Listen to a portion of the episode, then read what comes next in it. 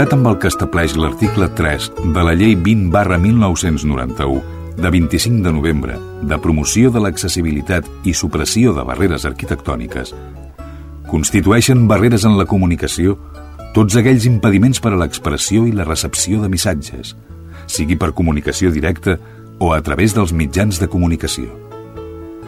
És per això que, emparant-nos en aquesta llei, volem que cada ciutadà gaudeixi del seu propi espai per moure's. Un espai sense censura. Un espai en què vosaltres sigueu els protagonistes. En definitiva, un espai per tothom. Benvinguts a Espai Vital. Salutacions, amigues i amics. Comencem una nova edició del programa Espai Vital, un lloc per a les persones a la teva ràdio municipal. L'espai d'avui el conformaran temes diversos i creiem que interessants arribats de les diverses ciutats de la comarca i d'altres indrets del nostre país. La nostra cuinera adaptada, la Teresa Diviu, ja deu ben posat al davantal per explicar-nos les receptes més interessants. I, de pas, fer-nos venir salivera, una mica de salivera per tot allò que ens explicarà. Bon dia, Teresa. Bon dia a tothom. Uh, avui passarem gust amb la teva secció. Jo crec que sí. Molt bé. Home, pel que agrada del conill, conill en suc. I si no volen fer conill, doncs ales de pollastre en suc. No sé pas si anar ja directament a la, a la fleca a comprar una barra de pa per sucar Pues pa. sí, més val que sí, perquè és cosa de sucar pa. Molt bé. Aquesta, aquesta experiència radiofònica doncs, compta amb gent diversa i variada. El nostre següent a l'hora de ser convidat no és pas capità de vaixell, com deia la cançó, però com si ho fora. És el cercador, la persona que navega per internet a la recerca de les notícies més destacades. És l'Alfredo Ángel eh, Cano. Bon dia, cercador. Bon dia. Què tal, com estem? Molt bé, molt content aquesta setmana. Molt bé, sense gorra, però és el nostre capità. Tots nosaltres no seríem res sense el bon cafè tècnic d'en Jordi Puy, l'home dels botons, potenciòmetres i altres aparells. Fetes les presentacions, anem pels continguts. Avui emetrem la col·laboració regular de les amigues i amics d'Adimir, l'Associació de Discapacitats Físics, Psíquics i Sensorials de Montcada. Ens parlaran del Centre d'Atenció Integral i Interdisciplinar que recentment s'ha posat en marxa a aquella ciutat. Coneixerem què és Discapacitat Televisió, de la mà d'un dels seus impulsors, en Claudio Capelli. Passejarem per la comarca per a conèixer aquelles notícies que s'han esdevingut a les ciutats participants en aquest eh, programa. Ho farem gràcies a les cròniques de les seves ràdios municipals. Són les emissores de Barberà del Vallès, Cerdanyola, Montcada i Reixac, Santa Perpètua de Mogoda, Ripollet i Sabadell. Tots aquests continguts i d'altres els muntem als estudis centrals de Ripollet Ràdio i eh, dir que de tot plegat en sortirà una nova edició de l'Espai Vital, la tercera de la cinquena temporada. Som-hi! Estàs escoltant Espai Vital.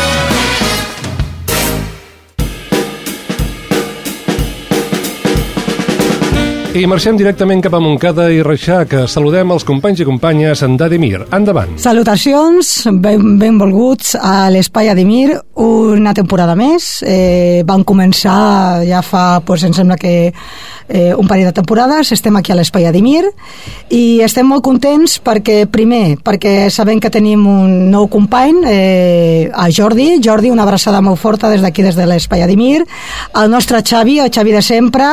Felicitats, Xavi, per la teva mm, recent paternitat, una abraçada molt forta aquí a la teva Anna, des d'aquí, des dels micròfons de, de l'Espai Adimir, i també estem molt contents perquè sabem que, bueno, que aquest eh, Espai Vital, aquest programa, doncs eh, es veu que tindrà una, més, eh, una major difusió i amb la qual sabem que arribarem a més municipis.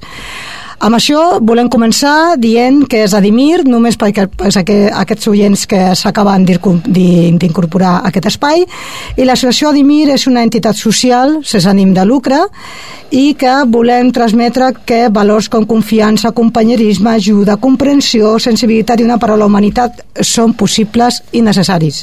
La nostra associació és una associació de discapacitats, de persones discapacitades a Montcada i Reixac, i els nostres esforços eh, s'encaminen a integrar i normalitzar adults i nens amb discapacitat.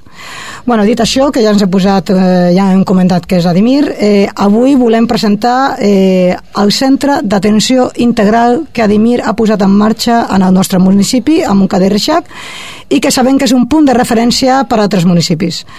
Avui amb mi està la meva companya, com moltes vegades, la Carolina Ibáñez. Carolina. Hola, bona tarda. I després també en tenim a l'altra bueno, a banda del telèfon, la Carme Fernández, que després també entrarà per comentar-nos la seva feina que fa aquest centre. Carolina, primer de tot, i anem ja a por totes. Eh, què és un centre d'atenció integral?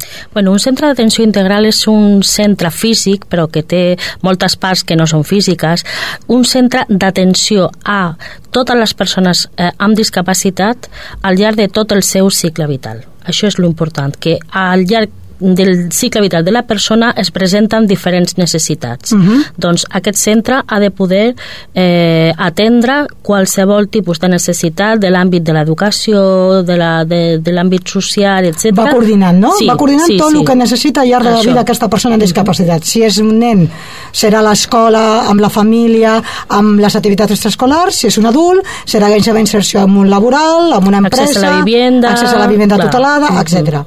eh, per què són necessaris aquests centres? Eh, bueno, les persones amb discapacitat eh, viuen en una situació de poca atenció i poca coordinació. Uh -huh. Per tant, nosaltres el que pretenem amb aquest centre és que es treballin totes les àrees que tenen a veure amb la persona, però de forma coordinada, de forma que s'estalviïn molts recursos i de forma que la persona se senti eh, ben atesa i ben acompanyada al llarg de tota la seva vida.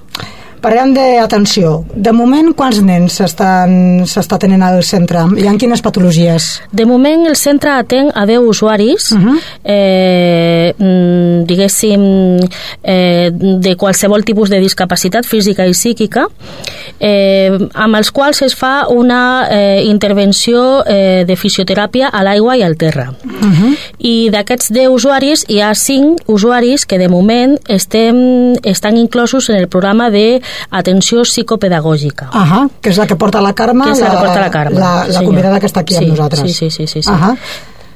Com es finança, també, això és una pregunta molt important, eh?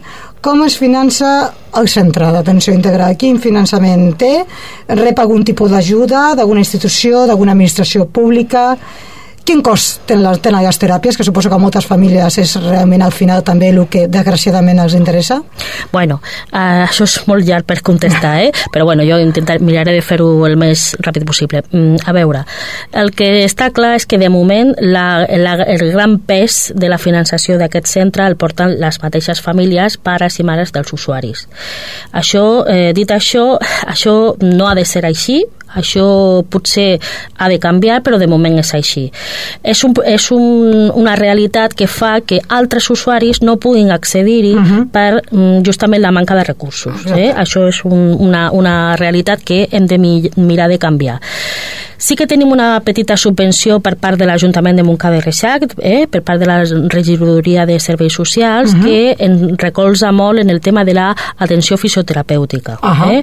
I llavors, dels 86 que, euros que pagaria cada usuari més els eh, 12 euros per eh, lloguer de la piscina, doncs l'usuari ha de pagar 46 euros i 50 euros els paga l'Ajuntament. És una sessió setmanal, no? Això és una sessió setmanal, sí, Una sí, sessió sí. setmanal, Mhm.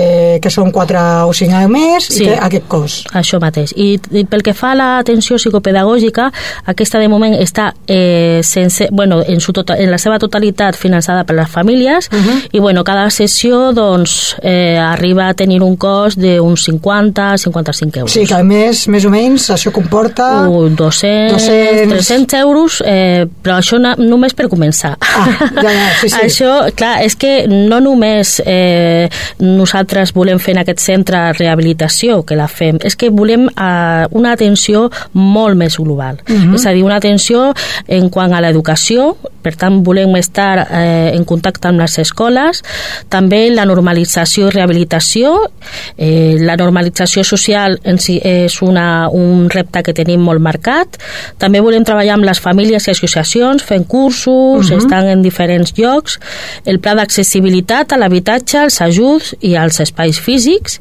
les vivendes tutelades i també la inserció laboral. Vull dir que això mm, abarca molt més que no unes simples teràpies. Ja, eh? ah, però bueno, hem de començar per, Per algun lloc, lloc, sí, i sí, començar sí, sí, per sí, sí. tenir fisioteràpia, tant a l'aigua com a terra, Mhm. que això està molt bé, i després tenim el tema de la psicologia. Sí, o, sí, sí, eh, psicopedagogia, Ah, sí, sí, sí. Bueno, pues és una manera de començar. Eh, jo, Carolina, per a no, jo penso que ha quedat bastant clar el que és un centre d'atenció integral. De totes maneres, a qualsevol persona, a qualsevol família que tingui una dubte que ens vulgui preguntar, jo després al final ja diré com es podeu, com es podeu posar en contacte amb nosaltres, que estarem encantats de, bueno, pues de poder-vos ajudar i d'orientar-vos a, a, a tenir una, una, una, una major atenció. Eh, jo convido, Carolina, i que, que aprofitis els micròfons d'aquest espai, d'aquesta oportunitat que sempre, eh, que des del principi s'ha donat al programa Espai Vital, i mm, jo convido a, bueno, que diguis el que et sembli oportú a les institucions, als organismes públics i a la classe política també, que ens, estigui, que ens, estigui, ens estigui escoltant. A veure, en primer lloc jo, jo diria que nosaltres, eh, les famílies que estem tirant endavant aquest centre, eh, volem demostrar a tota la societat i a tots els organismes que un centre d'aquestes característiques eh, pot millorar mm, molt, molt substancialment la, la qualitat de vida d'una persona amb discapacitat. Per tant, encara que fins ara només ho fem de forma privada, això, evidentment, ha de eh, canviar algun dia. Eh, volem demostrar que això mm, ha de tirar endavant i ens agradaria que es fes un centre d'aquestes característiques però financiat amb eh, diners públics. eh?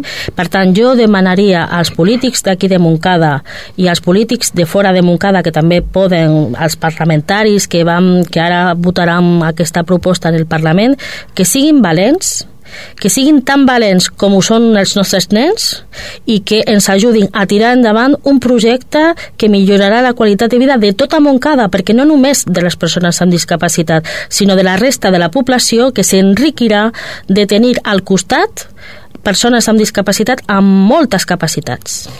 Doncs Carolina, jo penso que ho has deixat claríssim, jo no tinc res més que afegir, ho has dit tu ja per mi i per, tota l'associació Adimir, i doncs ara sí que m'agradaria parlar amb la Carme, que és la, és la, és la psicòloga del centre, perquè bueno, li vull fer unes preguntes que s'explica una mica pues, bueno, què és el que fem exactament al centre. Molt bé. Carme, Carme Fernández, hola, bona tarda. Bona tarda. Hola, Carme. Eh, bueno, jo et presento, ja he comentat abans que estaries tu també al nostre programa. Sí. Ets eh, psicòloga especialista en discapacitat Sí, i ets la persona que està fent una d'aquestes teràpies que abans Carolina ja eh, ens ha comentat al Sí. Centre d'Atenció Integral que ha posat en marxa eh, Adimir. sí. Eh, Carme, mm, en què consi- consisteix la teva teràpia al centre? Eh, aviam, eh, les teràpies que estic realitzant ara mateix a, en el centre aquest eh, d'Adimir són teràpies individualitzades, eh? És a dir, que se centren eh, d'alguna forma en els símptomes o la, la peculiaritat individual de, del nen, més que en l'etiqueta o en el trastorn de base, eh? Ahà. Podríem dir que és una teràpia global, eh, vol dir que abarca doncs, eh, totes les àrees del desenvolupament del nen, Sí. des de la vessant cognitiva, motivacional, emocional, comunicativa, etc. Uh -huh. I per altra banda, doncs, eh, és una teràpia que està orientada a millorar el desenvolupament del nen en el context natural en el qual ell es desenvolupa. Estem parlant de, del context escolar o educatiu, el context familiar i, i el context social en general, no? de la societat en general. Aleshores, en aquest sentit, per això es planteja, a banda d'aquesta teràpia individualitzada, es planteja doncs, un treball eh, conjunt amb l'escola i la família, que és importantíssim, no? a banda de la teràpia individualitzada amb el nen. No?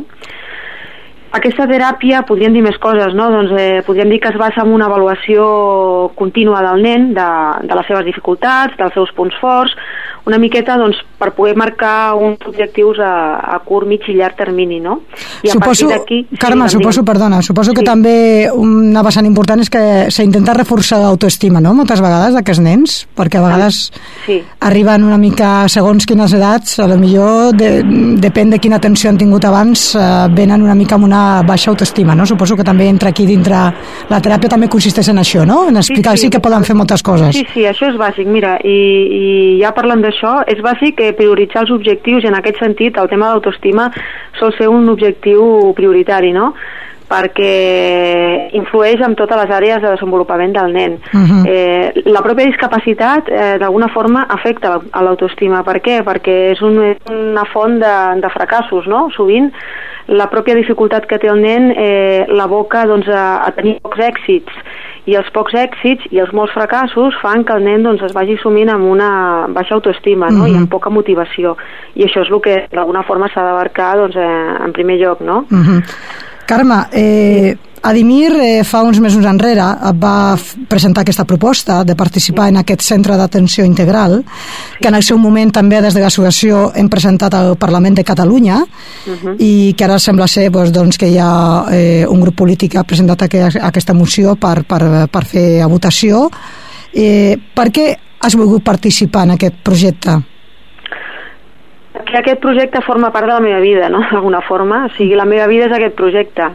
Eh, jo estic ficada amb el tema de la discapacitat fa molts anys i tinc familiars amb discapacitat i bueno, va haver un moment de la meva vida que vaig prendre una decisió que era doncs, eh, continuar en aquest camí i aquest projecte que ha presentat Adimir doncs, eh, contempla tots els aspectes en els quals jo hi crec i uh -huh. penso que és un projecte mm, de futur eh, a mig termini molt interessant i en el qual doncs, eh, ens hauríem d'implicar tots. Eh? Uh -huh.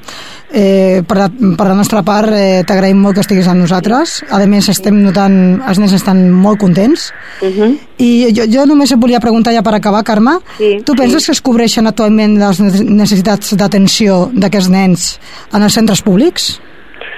Doncs jo penso que malauradament no uh -huh. no s'estan cobrint. Uh -huh. eh, però podríem parlar de, de, de diferents aspectes, no?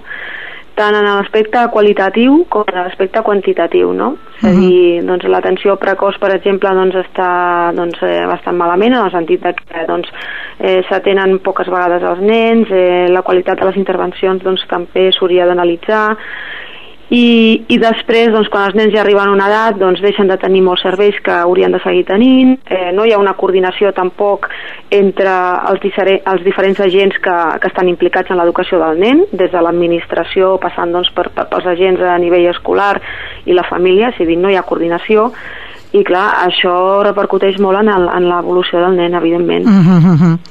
Doncs, eh, Carme, per no estendre més el, el, el, el que és el centre d'atenció integral, que jo penso que amb la teva participació també ha estat eh, clara de que, en què consisteix i quins objectius vol, vol complir i quines necessitats està atenent dels nens amb discapacitat. Jo et dono les gràcies des d'aquí, des de l'Espai Adimir. La meva companya Carolina també vol dir-te unes paraules. Eh, Carme, mm, sí. mira, hola, yo, yo, hola, Carme. Mira, yo solamente quería, eh, en nombre de Adimir, y desde este espacio del Spy de Adimir eh, quería darte las gracias eh, en nombre de todas las familias eh, a, las, a las que nos está ayudando tantísimo y bueno, que nunca tendremos bastante para darte las gracias por todo lo que estás haciendo por nosotros y por nuestro hijo. Muchas pues, gracias, Carmen. Pues bienvenidas son y gracias a vosotros también por mi parte. ¿eh? Carme, una abraçada molt forta Igualment. i continuem endavant amb el Centre d'Atenció Integral. Gràcies, Carme. Molta, moltes gràcies. Adéu, adéu, adéu. Doncs, estimada companya Carolina, avui això també ja s'ha acabat. Jo penso que ja han posat damunt la taula en què consisteix un centre d'atenció integral, han explicat eh, què és, per què és necessari, eh, quines eh, teràpies s'estan eh, impartint ara al centre, i llavors jo l'únic que convido a tots els oients, als nous oients, és que es posin en contacte amb nosaltres per, per qualsevol dubte, per fer-se soci de l'associació, per fer-nos per fer preguntes, el que vulgueu. Esteu, estem a la vostra disposició en l'email adimir arroba hotmail.com i també teniu la nostra plana web, una plana web molt dinàmica, ja la veureu, que hi ha un vídeo magnífic, que ja veureu quines, eh, quines activitats estem fent. Eh, la nostra plana web és una http dos punts, dos barres adimir.moncada.cat des de l'espai Adimir, des del programa Espai Vital, Moltíssimes gràcies a tots i es veiem el proper mes. Moltes gràcies, adeu. Estàs escoltant Espai Vital.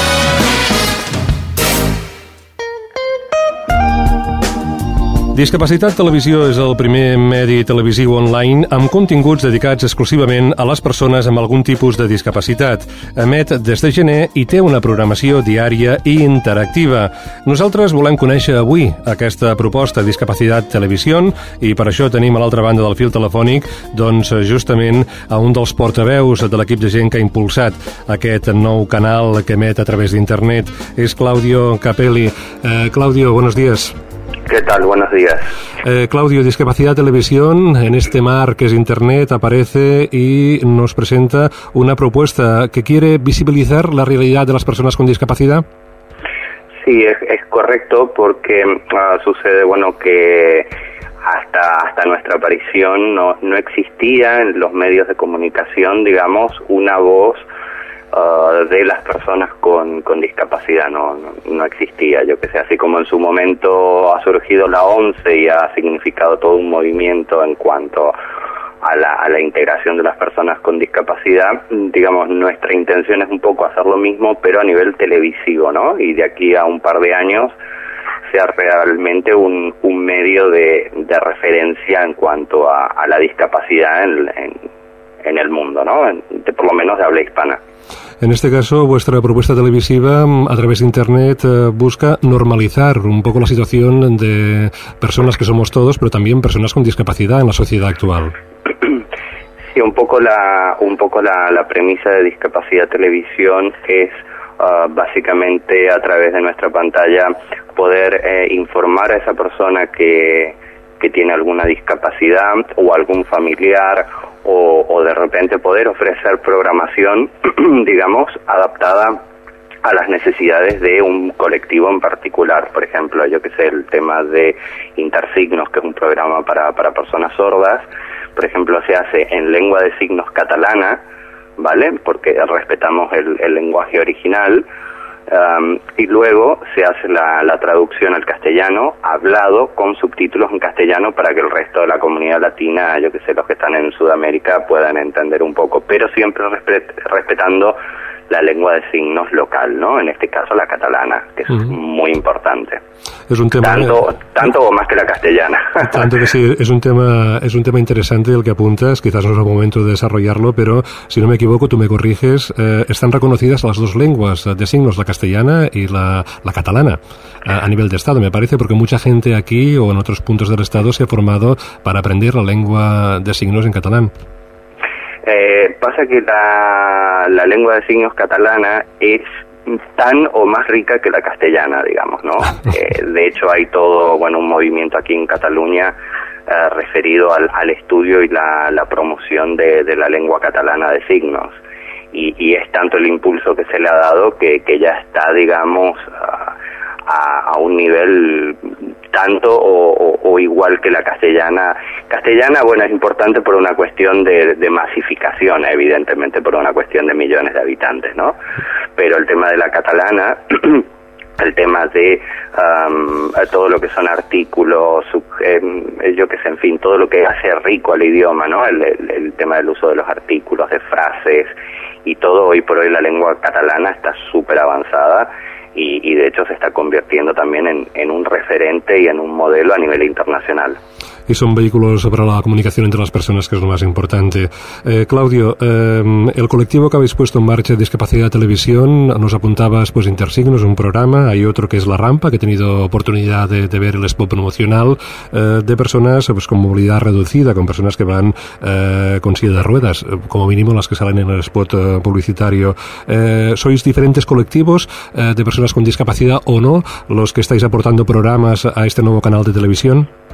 Sí, un poco la, un poco la idea de, Discapacidad Televisión es poder ofrecer a, a, a, este gran amplio abanico, por decirlo así, de, de distintas capacidades, eh, un poco nuestra meta, poderles ofrecer al menos un programa que refleje esa problemática y es así por ejemplo bueno como como como tenemos el caso de Intersignos que es para personas sordas tenemos B1 más B2 más B3 que es un programa eh, realizado por Manuel Martí que es el presidente de la um, Federación Catalana de Ciegos y Disminuidos Visuales de Cataluña. Digamos y es, es la primera vez que hace una persona ciega un programa de televisión vale Eh, luego tenemos Peces de Colores, que lo conduce Raquel Soto y es una persona con parálisis cerebral. Y así, bueno, el tema de la rampa son todos chicos tetraplégicos también que hacen. Entonces, poquito a poco estamos eh, incorporando eh, programación. En su momento eh, salíamos en directo con un programa hecho con chicos con discapacidad intelectual o, conocida como síndrome de Down y, y, todos sus, sus derivados, ¿no? Y salíamos en directo y hacían un programa de, radio, un taller de radio con chicos con síndrome de Down del taller... Oh, no me acuerdo en este momento el nombre, perdón, pero, pero bueno, era muy, muy importante y de hecho una audiencia muy grande y un poco la idea es, cubrir a, todo el colectivo poquito a poco. Pasa que, bueno, también a veces uno tiene el problema de la limitación, digamos, monetaria, ¿no? Que a veces es lo que nos limita de hacer montones de cosas porque, bueno, lamentablemente realizar televisión, hacer televisión es muy caro. Es un medio de comunicación caro, sin duda, pero quizás es más efectivo para llegar a más gente. Tú mismo apuntabas eh, un poco la siguiente pregunta de nuestro guion, la respuesta en tu comentario, y es que eh, los programas tienen audiencia, supongo, o intuyo que la respuesta a discapacidad televisión es importante, eh, la gente está por vuestra propuesta, y esa es una parte de la pregunta. Y la otra, ¿qué dicen las administraciones? ¿Tenéis el apoyo de las instituciones?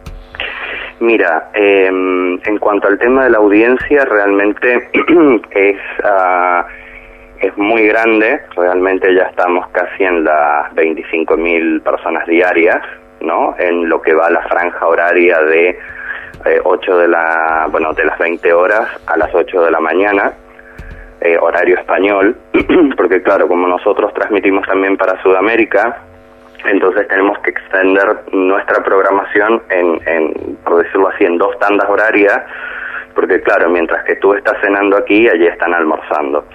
Entonces, para cuando aquí es la madrugada, en realidad allí es la noche. Entonces, eh, con muchísima audiencia, muchísima audiencia. Y con respecto a tu pregunta sobre el tema de de la parte oficial, digamos, de gobierno, no, de momento no nos ha contactado nadie. Eh, yo supongo que por una cuestión a lo mejor de, de falta de, conocimiento o de, bueno, de, otros problemas que hay, digamos, en, en, el país en este momento y por eso no, no nos están contactando porque, o sea, evidentemente es algo, es algo único. De hecho, justamente estamos... Uh, viajando a México, que nos ha invitado el gobierno de México en el mes de noviembre, para, para realizar la primera conferencia de medios de comunicación y discapacidad. Y nosotros, digamos, somos los, digamos, los invitados de honor a, a este evento y, y bueno, creemos que es, que es importante, ¿no? Y tanto, y tanto que es importante. Em, hablabas de, de América, em, vosotros emitís por Internet actualmente, pero según la información que recabamos aquí en la redacción, eh, vuestra idea es emitir vía satélite hacia el continente americano. Supongo que la idea es, eh, igual que emitir, también recibir propuestas que lleguen desde allí. Eh, eso quizás es porque allí son más receptivos y van a emitir a través de una señal de TDT o analógica vuestras propuestas, también va a ser por Internet. Un poco cómo es este puente americano. Mira, eh, el tema de incluir a América, digamos, desde un principio fue básicamente porque no existe a nivel mundial, ni siquiera en inglés existe un canal, digamos, sobre el tema de la discapacidad. Entonces, ah, básicamente la, la idea cuando surge, digamos, en, mi cabeza, digo, uh, bueno, ¿por qué hacerlo solamente para España? Si España habla castellano, digo, ¿por qué no hacerlo para el resto de Latinoamérica? Eh, justamente mi, mi pareja, que es una persona discapacitada, es sudamericana, y claro, conozco todas las falencias y, y, digamos, la falta de información, capacitación, falta de recursos, en fin. Sudamérica en ese sentido está no atrasado, está, mm, digamos, a 20 años o 30 años atrás de España, ¿no? Entonces, eh, claro, acceder a la información es muy difícil, incluso hay mismos gobiernos que tratan de, de acallarlo un poco, cada vez el, por ejemplo, ¿no? y digamos como que no quieren tocar mucho el tema. Entonces, bueno, nuestra idea es justamente a través de Internet y del satélite poder llegar a esas personas. ¿Por qué el satélite? Porque como tú sabes, en, en, en Sudamérica son fanáticos de la televisión, al igual que en Estados Unidos, y de hecho ellos tienen 500 canales de televisión, el 50% en alta definición, y aquí en España todavía soñamos con eso, ¿no? Entonces es más común en Sudamérica ver a una persona con una antena parabólica apuntando a un satélite de 500 canales o un, o un operador de cable que a lo mejor que tenga conexión a internet. es un poco la, la, la, ironía esta tecnológica, ¿no? Que estamos pasando, son dos realidades distintas, ¿no? Entonces, eh, con, con el tema del satélite nos permite llegar tanto a España como, como a América. Y por el otro lado, la idea es también incorporar programación uh, de países sudamericanos, porque aquí también en España, si bien tenemos muchísimos recursos, pero también es bueno conocer lo que hacen en otros países, también en cuanto a avances, en cuanto a, a programas de, de, inserción social o de, de, rehabilitación. Yo qué sé, es muy importante. Esto es, es, es de interés humanitario, por decirlo así, a nivel general, ¿no? O sea, no, no creo que no, debe, no tiene que estar por qué limitado de, de continentes o de, o de lo que sea y aparte tienen cosas muy importantes para, para contar y, y, que de hecho se hacen, ¿no? Uh -huh. Y tanto, por ejemplo, pues eh, recuerdo que, que, gracias a un comercial conocimos a Radio Colifata, la experiencia de Colifata desde Argentina y, y, otras muchas interesantes que seguro se hacen en el continente americano. Eh, Claudio, el tiempo, el tiempo avanza y ya debemos ir pues un poco concluyendo esta entrevista, eh, vale. recomendando a nuestra gente, a nuestra audiencia, que os sintonicen a través de discapacidadtv.com, si no me equivoco. No, es eh, www.discapacidad.tv. Pues vale, yo ponía más de la cuenta. Discapacidad.tv eh, es eh, desde allí desde, desde, donde pueden ver un poco qué es discapacidad de televisión y, y ver vuestra señal, vuestra programación y al mismo tiempo pues eh, recomendar a la gente que mantiene blogs, mantiene webs, pues que existe la posibilidad de que eh, enganchen vuestra vuestra idea, vuestra pantalla, pues la pongan en sus en sus blogs, en sus webs Esto, para que se vea. ¿Esto está ya en marcha? ¿No es posible? Sí, sí, sí, mira, justamente, bueno, una de las, de las cuales hemos crecido muchísimo fue justamente porque ya estamos, bueno, la página todavía no se ha cambiado, pero ya estamos casi en las 500 páginas que están replicando nuestra, uh, nuestra um, señal que básicamente es como tener 500 repetidoras, uh -huh. básicamente, ¿no? En, eh, dispersadas por el mundo. Entonces no solamente pueden ver discapacidad televisión a través de nuestra web, digamos, oficial, sino que como nuestras señales de libre distribución, lo pueden colocar en cualquier página web o blog o, o, o lo que fuere. Entonces eh, nos permite, a su vez, ofrecerle a esas personas que ofrezcan a, a sus visitantes programación de calidad y referida a esa temática, digamos. Pues perfecto, invitamos desde aquí a nuestra audiencia que visiten discapacidad.tv en internet y que si les parece bien vuestra propuesta, que nosotros nos parece bien, os hemos visitado y os hemos, os hemos visto, pues lo que proponéis, pues que enganchen uh, la posibilidad, se convierten en repetidoras, como tú comentabas, de vuestra idea. Claudio, un placer conoceros, uh, lo que podemos hacer desde Spy Vital, pues uh, ya lo sabes, ya lo sabéis, estamos a vuestra disposición y adelante con vuestra idea. Muchas gracias. Vale, a ti por habernos llamado. ¿eh? Muchísimas gracias. Suerte. Adeu.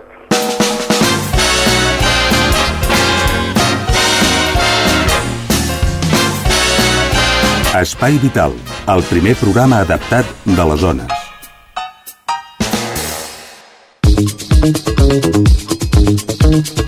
L'espai vital es posa a calça curta perquè arriba el moment de fer una volta per la comarca. Nosaltres no sortirem pas en bicicleta, però podríem sortir en bicicleta, en cadira de rodes o el que fora, o transport públic adaptat, sinó el que farem serà escoltar les companyes i companys que des de les municipals de la comarca ens passen l'actualitat de la seva ciutat. Comencem a Montcada i Reixac. Des de Montcada Ràdio, la Sílvia Díaz ens parla de les accions que s'han dut a terme a la seva ciutat. Endavant. Hola, salutacions des de Montcada, l'Espai Vital. Avui parlem de la grip. Des de l'inici de la campanya de vacunació a final de setembre, una mitjana d'entre 150 i 200 persones al dia s'han vacunat als dos ambulatoris de la població i també al Centre Municipal de Salut de Can Sant Joan contra la grip estacional, la grip normal, diríem. A hores d'ara ens situaríem amb més de 2.500 vacunes. Segons el responsable de l'assistència primària a Montcada, Miquel Barbany, el volum d'usuaris i el ritme de vacunacions que tenen els centres mèdics és similar al que es enregistra cada any. Tot i que la dosi es dispensarà fins a final d'any, se'n recomana que els interessats es vacunin durant tot el mes d'octubre, bé en horari d'infermeria o bé a la mateixa consulta del metge. Les persones que tenen indicada la injecció són els majors de 60 anys, els malalts crònics, les embarassades o els professionals de determinats àmbits, especialment del sector públic. La campanya de la vacuna contra la grip estacional s'ha avançat dues setmanes respecte al calendari habitual, en previsió que durant la tardor es pugui posar en marxa la de la grip A. De moment, però, encara hi ha molta incertesa al respecte. El que sí sembla sembla haver disminuït alhora que també ho ha fet l'impacte mediàtic ha estat la preocupació ciutadana. S'estima que bona part dels casos de grip que hi ha hores d'ara són del tipus A, encara que aquesta dada no es pot confirmar amb certesa perquè per fer el diagnòstic cal realitzar una analítica que només es practica a pacients que es troben hospitalitzats. Doncs bé, això és tot. Fins la setmana vinent. Estrella Núñez és la dona espai vital de Santa Perpètua des de la municipal d'aquella localitat. Ens explica que el Servei Municipal d'Esports ha posat en marxa cursos de natació adaptada. Hola Jordi, hola amics i amigues de l'Espai Vital.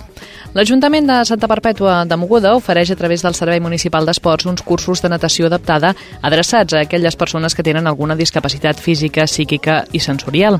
El curs està plantejat com una activitat on es treballen diferents aspectes, com ara la rehabilitació i la socialització dels participants. Aquest curs de natació adaptada fa anys que es du a terme a les piscines municipals i ha establert dos grups. Les classes duran tres quarts d'hora i els horaris són els dissabtes a dos quarts d'onze i a dos quarts de dotze. El curs de natació adaptada va començar dissabte 10 d'octubre. Es tracta d'unes sessions molt personalitzades i depèn molt del grau d'autonomia de cada participant. Segons sigui aquest grau, un mateix monitor pot atendre més d'una persona o dedicar-se'n en exclusivitat. Per aquest motiu, el nombre de places és limitada. Enguany s'han matriculat una quinzena de persones. Aquests cursets estan oberts a perpetuencs i a persones discapacitades també d'altres localitats. Si voleu informació, podeu posar-vos en contacte amb el Servei d'Esports que està situat al Poliesportiu Municipal a l'Avinguda de Girona número 7. Dissabte passat, 10 d'octubre, va començar el curs de natació adaptada que ofereix l'Ajuntament de Santa Perpètua a persones amb discapacitat. Ens acomiadem des de Santa Perpètua. Fins la setmana vinent. Adeu. Saltem directament cap a Cerdanyola del Vallès. Eh, des de la ràdio municipal d'aquella localitat, Mònica González ens explica que l'alcalde de Cerdanyola, Antoni Morral, demana de sumar esforços i aconseguir més recursos per aplicar la llei de la dependència. Molt bon dia, Jordi, des de Cerdanyola Ràdio. L'alcalde de la ciutat, Antoni Morral, ha demanat sumar esforços i recursos entre les administracions i el teixit associatiu per continuar desenvolupant i aplicant la llei de dependència. Així ho manifestava la setmana passada en el decurs de la taula debat organitzada amb motiu del setè Consell General de la xarxa de serveis socials d'atenció domiciliària SAT. El debat, que versava sobre l'impacte de l'atenció a la dependència en les agendes locals, també participaven l'alcalde de Sant Cugat, en Lluís Recoder, l'alcalde de Gironella, Ramon Costa, i l'alcaldessa de l'Hospitalet de Llobregat, Núria Marín. Durant l'acte, els ponents van poder valorar el desplegament de la nova llei de dependència més de dos anys després d'entrar en vigor. L'alcalde de Cerdanyola, Antoni Morral, assegurava que és una bona llei que complementa l'estat de benestar, però que la seva implementació ha suposat un esforç important pels consistoris a causa de la falta de recursos econòmics i organitzatius. Pel que afecta al nostre municipi, l'alcalde deia que actualment s'estan atenent 579 persones i tot indica que la demanda continuarà augmentant en uns moments de crisi com els actuals. Per aquest motiu, Morral demanava més implicació i compromís de la resta d'administracions que actualment només aporten el 50% dels recursos. El Consell en General de la xarxa local SAT es clausurava amb la intervenció de la ministra de Salut i Política Social, Trinidad Jiménez, del president de Caixa Catalunya, Narcís Serra, i del president de la Diputació de Barcelona, Antoni Foguer. La ministra destacava l'alt índex de satisfacció dels usuaris d'aquests serveis i comentava que el desenvolupament de la llei ha estat complex i lent, però que el 2015 estarà completat tot el sistema de dependència. Jiménez assegurava que es mantindrà el pressupost amb l'objectiu que els ciutadans no vegin reduïts els seus drets. La ministra reconeixia la tasca realitzada des dels ajuntaments com a administracions més properes i es comprometia a mantenir els compromisos adquirits des del Ministeri. La ministra afirmava que a Espanya ja es comptabilitzen un total de 208.000 usuaris de teleassistència. D'aquests, 48.000 pertanyen a Catalunya. El Consell estava organitzat per l'Obra Social de Caixa Catalunya i la Diputació de Barcelona amb l'objectiu de valorar, com dèiem, el desenvolupament de la llei i d'incidir en aspectes concrets que consolidin els serveis d'autonomia personal i d'atenció domiciliària. I això és tot. Des de Cerdanyola Ràdio s'ha parlat Mònica González. Francina Ricard, des de Ripollet Ràdio, ens passa el balanç de la marató de donació de sang que s'esdevenia en aquesta localitat el passat dia 2 d'octubre. Molt bona tarda als amics i amigues de l'Espai Vital. El Centre Cultural de Ripollet va acollir el passat 2 d'octubre una nova marató de donació de sang organitzada pel Banc de Sang i Teixits. En aquesta ocasió van ser 148 les donacions que es van realitzar al llarg de tot el dia. D'aquestes, 4 eren persones que participaven a la marató per primera vegada. També va haver 9 oferiments que no van poder ser acceptats. Des del Banc de Sang i Teixits, únic subministrador de components sanguinis i hemoderivats a tots els centres sanitaris, insisteixen en la importància de continuar amb les donacions, ja que les seves existències no són tan abundants com els agradaria. Recordem que per donar sang només cal ser una persona sana entre 18 i 65 anys que pesi més de 50 quilos. Els homes poden donar un màxim de 4 vegades l'any i les dones 3, deixant entre donació i donació un període de dos mesos. Per donar sang es poden dirigir al Banc de Sang de Barcelona al passatge de la Vall d'Hebron 119-129 o restar atents a les jornades de donació de sang que periòdicament es realitzen al Centre Cultural de Ripollet. I això és tot des de la nostra població. Molt bona tarda. Saltem cap a Ràdio Barberà, allà ens espera Judit González, que ens informa d'una conferència dedicada a salut mental, en concret a l'aspecte dels bons hàbits alimentaris. Bon dia. Aquest dijous l'Associació Salut Mental Sabadell ha organitzat la conferència Salut Mental i Bons Hàbits Alimentaris. La xerrada ha anat a càrrec de la doctora Lídia Cuesta, psiquiatra i especialista en trastorns d'alimentació.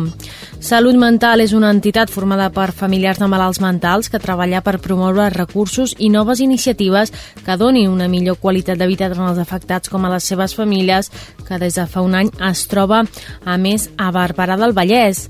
El passat 8 de setembre l'Ajuntament de Barberà va signar el conveni d'activitats amb associacions de promoció de la salut de la nostra ciutat per aquest any 2009. En aquesta convocatòria, el conveni es va aprovar precisament amb l'entitat Salut Mental Sabadell per la realització d'activitats per la promoció de la salut a Barberà del Vallès.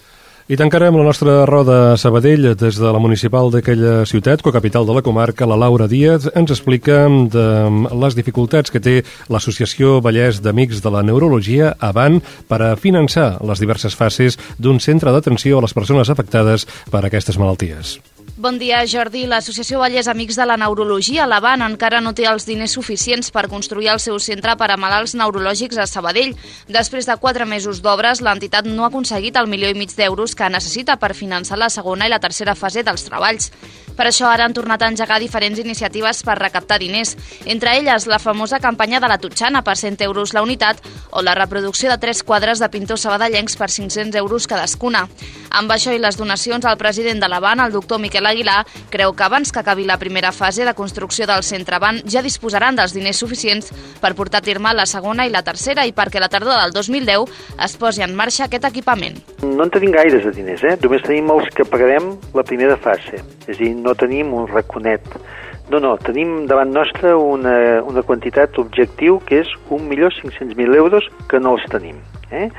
I que realment estem convençuts que en 3-4 mesos remourem una mica la ciutat i rebrem les col·laboracions per part de tots aquests simpatitzants, amics, col·laboradors, persones que viuen i conviuen amb els problemes neurològics i que saben que aquest centre serà per ells o pels seus amics o pels seus companys una oportunitat de seguir millorant la qualitat de vida.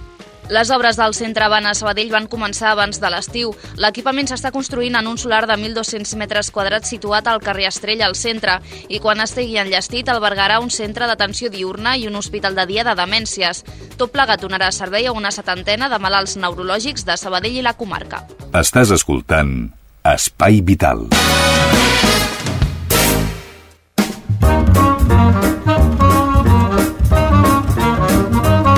Anem directament cap a la cuina, ja ens ho avançava en la presentació d'aquest programa, Teresa, mm, avui menjarem bo, menjarem ales, ales Mira, amb suquet. Sí, tant pot ser ales com el que vulgui posar conill, conill. Vull dir, per al que li, no li agradi el conill, doncs ales. Les ales, doncs ales, estem a l'oli, una fulla de llaurer, un trosset de canyó de canyella i si no podeu tallar la ceba en vuit trossos, doncs mira, compreu-la d'aquella ratllada al, al, al mercat que n'hi ha de ratllada ja uns 200 grams. Un parell de tomàquet ratllat un dent d'all 10 ametlles, 10 avellanes un trosset de pa fregit. Em sembla que no em deixo res. Ah sí, dues galetes, varia i un trosset de xocolata negra. Allò petit, una cosa d'un centímetre petitó per fer la salsa. Posem la cassola al foc amb l'oli, la, la llaurer, la canyella, que, que es vagi escalfant. I poseu les aletes i tireu la sal per sobre i aneu fregint. Com estigui com allò mig fregidet i tireu la ceba. La ceba la deu rebenant perquè la ceba ja té tendència sempre a agafar-se ja us dic ratllada perquè a trossets s'ha de tallar vuit trossos perquè deixi anar el seu suc. Mira, si no podeu, doncs mira, d'aquella ratllada, però aneu vigilant. Com veieu que ja s'hagi enrossit una mica i poseu el tomàquet ratllat i que vagi també fregint-se tot les ales i tot plegat allà, anar fregint. Com veieu que ja que va el color del tomàquet ja ha agafat color de fregit, no deixeu cremar, i tireu una miqueta d'aigua calenta. Després, hi tireu també escorreu els rovellons, allò si compreu un pot de rovellons, n'hi han uns que són a trossos, que estan més bé de preu, o agafeu d'aquells que són medallons, que són sencers. Llanceu el suc i poseu els rovellons allà dintre. Agafeu també aigua calenta i ara amb el, amb el mini pimer, aquell pot, i poseu cosa de mig litre d'aigua calenta, 10 ametlles, 10 avellanes, el pa fregit allà dintre, les dues galetes maries, el trosset de xocolata i l'all. Tot això, i ai, sal, si voleu també, sal. I tot això ho bateu ben trinxat i ho tireu a la cassola, que ja haureu tirat els, els rovellons, tireu allà a la cassola. Si en cas veieu que queda massa poca aigua, tireu una miqueta més d'aigua perquè tingui més gustet, tireu mitja pastilleta de becrem i així anirà fent el xup-xup i agafa més concentrat. Si veieu que cap d'un rato queda allò molt clar, agafeu un, un gotet amb aigua i poseu una cullerada de maicena, la desfeu i l'aneu tirant allà dintre i aneu remenant. Ja veureu que s'us passarà de seguida. Allò així ens quedarà més espesset el suc i allà queda molt bo per sucapar i que aprofiti. Molt bé, i com sempre un bon gotet de vi negre o vi rosat? Jo crec que és rosat aquí. Rosat, rosat. Saps com les faig jo, les ales? Jo les poso, jo les deixo macerar en oli, una mica de, eh, de llimona, una mica d'herbes, i deixo macerar, potser sí. un dia, dos, llavors les fregeixo. Sí, també. Jo també ho havia fet, i després també, com a les esfregides, tirar-hi un rajolí de conyac i allò encendre la paella una mica. Flambejades. Sí, flambejada. Això m'ho van dir, no li provem gaire, eh? Millor que no ho proveu, o sí, vaja, com a bueno, mínim si tingueu un extintor, eh? No, no, si heu de flamejar no ho feu a sota el, la campana. Les, la campana, que és dolent, això. Molt bé, doncs gràcies, Teresa. Tastarem aquest plat que ens comentes i nosaltres passem d'aquí un no res cap al cercador.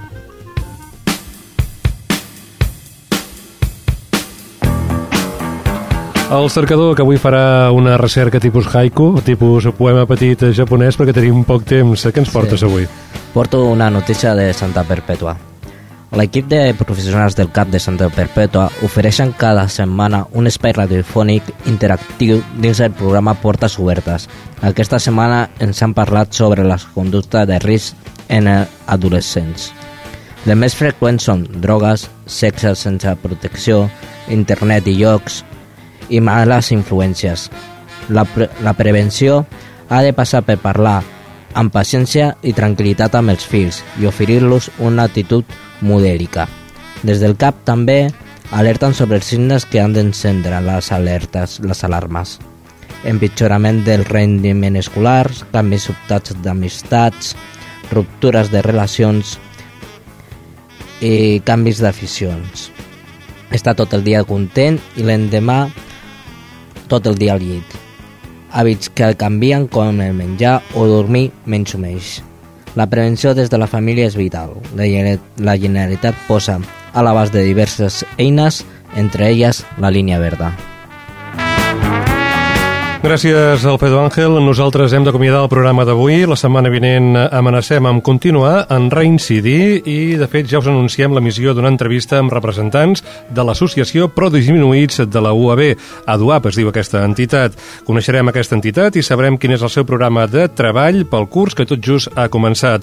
Recordeu que Espai Vital és present a la xarxa de xarxes a internet a través d'un blog localitzable a l'adreça radio-espai-vital.blogspot.com www.radiotrinitat.com. Marxem, com sempre, amb música. Dolo Beltran i companyia. Pastora, adeu-siau.